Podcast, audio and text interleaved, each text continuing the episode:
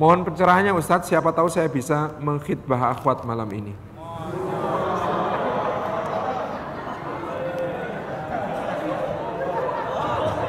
Ini pertanyaan terakhir yang saya jawab mudah-mudahan. Nah, pertanyaannya adalah apa tolak ukur seorang laki sudah layak untuk menikah? Saya sudah sangat ingin melamar, tapi di satu sisi saya masih ragu dengan kemampuan. Oh, kemampuannya sendiri kok diragukan. Dan keimanan saya, kalau meragukan keimanan boleh untuk menghitbah hawa tersebut. Hadis Nabi SAW, Ya ma'asyaras syabab, man istata'a minkumul ba'ah falyatazawwaj. Fa innahu aghaddu lil basari wa ahsanu lil farj wa man lam yastati' fa bisawm fa innahu lahu wija. Kata Nabi SAW, Ya ma'asyaras sabab wahai sekalian pemuda, manis tata minkumul ba'ah. Siapa yang di antara kalian mampu masuk kategori yang disebut sebagai ba'ah? Apa itu ba'ah? Keterangan Imam Ash-Shawqani dalam Lailul Atta al-ba'ah itu satu al-qudrah al-jima, mampu secara seksual. Kalau sudah mampu secara seksual ada tuntutan untuk segera menikah. Tapi itu harus dibarengi yang kedua kata beliau yaitu al-mahru wan nafaqah, kemampuan memberi mahar dan menafkahi. Dan ini tidak ada patokannya berapa rupiah per bulan menafkahi itu. Karena ukurannya beda-beda. Ukurannya relatif. Al-mahru wan nafkah ini jangan jadi beban pikiran dalam-dalam. Yang penting kudrah al jima dulu. Itu yang disebut sebagai ba'ah. Kalau sudah ba'ah apa tuntutannya? Segeralah menikah. Fal yatazawwaj. Fa innahu aghaddu lil basari wa ahsanu lil farj yang namanya pernikahan itu punya istri itu lebih mampu menjaga pandangan gitu ya lebih mampu menjaga pandangan karena kita punya pandangan yang dipandang halal kalau ada yang haram ada tempat memalingkan ke yang halal kalau belum punya istri memandang yang haram ada godaan memalingkannya paling ke bumi maka nggak sebanding tidak se sebanding dan itu berat. Kamu nggak akan kuat.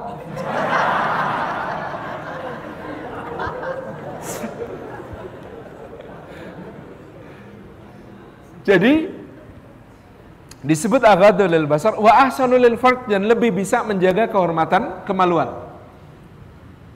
Ahsan itu, hasan itu artinya benteng, lebih mampu membentengi. Nah, maka kalau nikah ini disebut sebagai membentengi. Perhatikan klausul berikutnya dari hadis Nabi ini. Wa malam yastati, siapa yang belum mampu untuk menikah, fa'alai bisaum atasnya untuk berpuasa. Fa innahu lahu wija, karena puasa ini adalah wija itu apa? Salah terjemahan di Indonesia adalah wija diterjemahkan benteng. Menurut saya yang lebih tepat, wija artinya barikade. Kalau benteng itu hesen, Tadi yang kita sebut di, di soal pernikahan. Jadi nikah itu bisa jadi benteng. Tapi kalau puasa cuma barikade. Mana yang lebih mudah ditembus musuh, benteng apa barikade? Barikade, hati-hati yang cuma barikade terus gak selesai-selesai. Puasa itu cuma barikade. Barikade itu pertahanan permanen atau sementara? Sementara. Ini Masya Allah ya, Rasulullah kalau milih kata itu tepat sekali.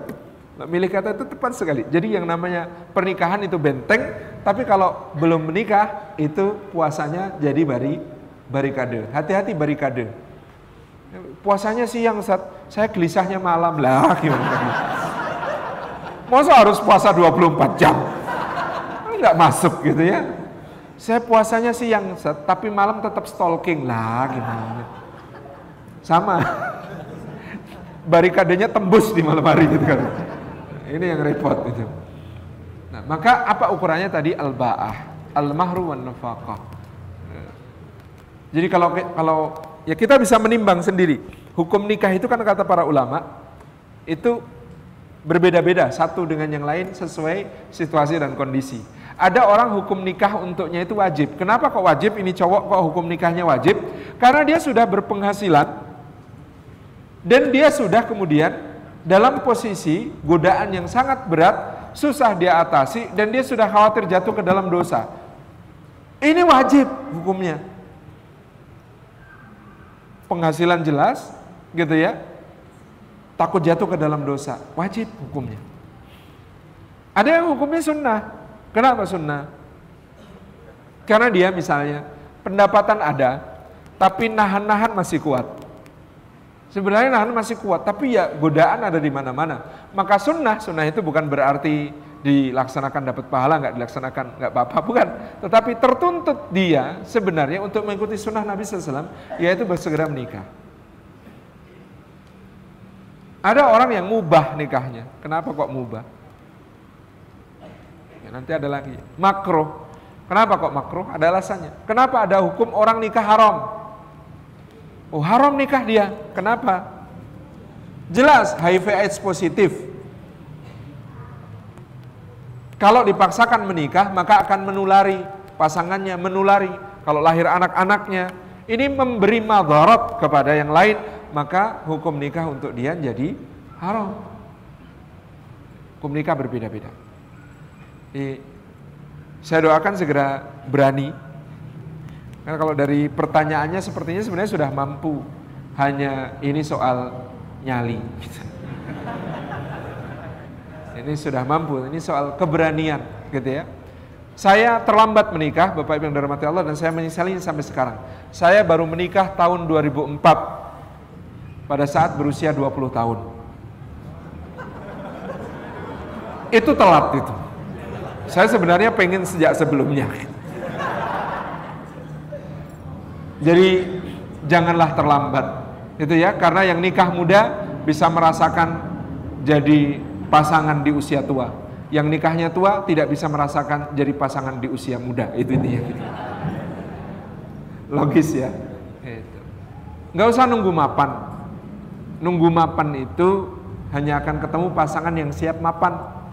Tapi kalau Anda menikah sejak tidak meyakinkan saat saya menikah dulu sangat tidak meyakinkan umur 20 tahun. Berat badan 16 kg lebih ringan daripada sekarang. Iya benar. Eh 17 17 kg lebih ringan daripada sekarang.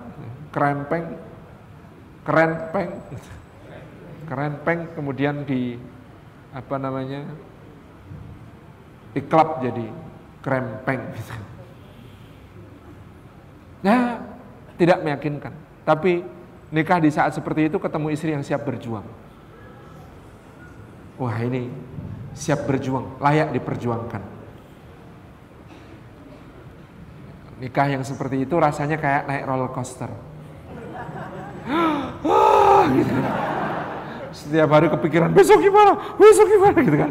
Nah, itu namanya kayak roller coaster. Tapi roller coaster itu meningkatkan bonding, menguatkan ikatan. Anda kalau naik roller coaster sama orang yang dicintai, nah, kalau pas lagi tegang-tegangnya terus ngapain? Pasti pegangannya makin erat kan? Gitu kan? Kalau perlu diremes tangannya, pasangannya, saking kuatnya. Itu gambarannya orang nikah dalam keadaan terus berjuang. Itu naik roller coaster. Kalau Anda nikahnya mapan, itu kayak keliling taman safari pakai kereta kelinci. Nah, sudah mapan ya cuma santai gitu. Beda sama yang naik roller coaster ya, lebih elit. Oke. Okay. Bismillah ya, insya Allah berani ya. Kalau nggak berani, lapor takmir. Biar nanti dicarikan yang bisa mendampingi. Jazakumullah khairan. Saya kembalikan kepada pembawa acara. Cukup.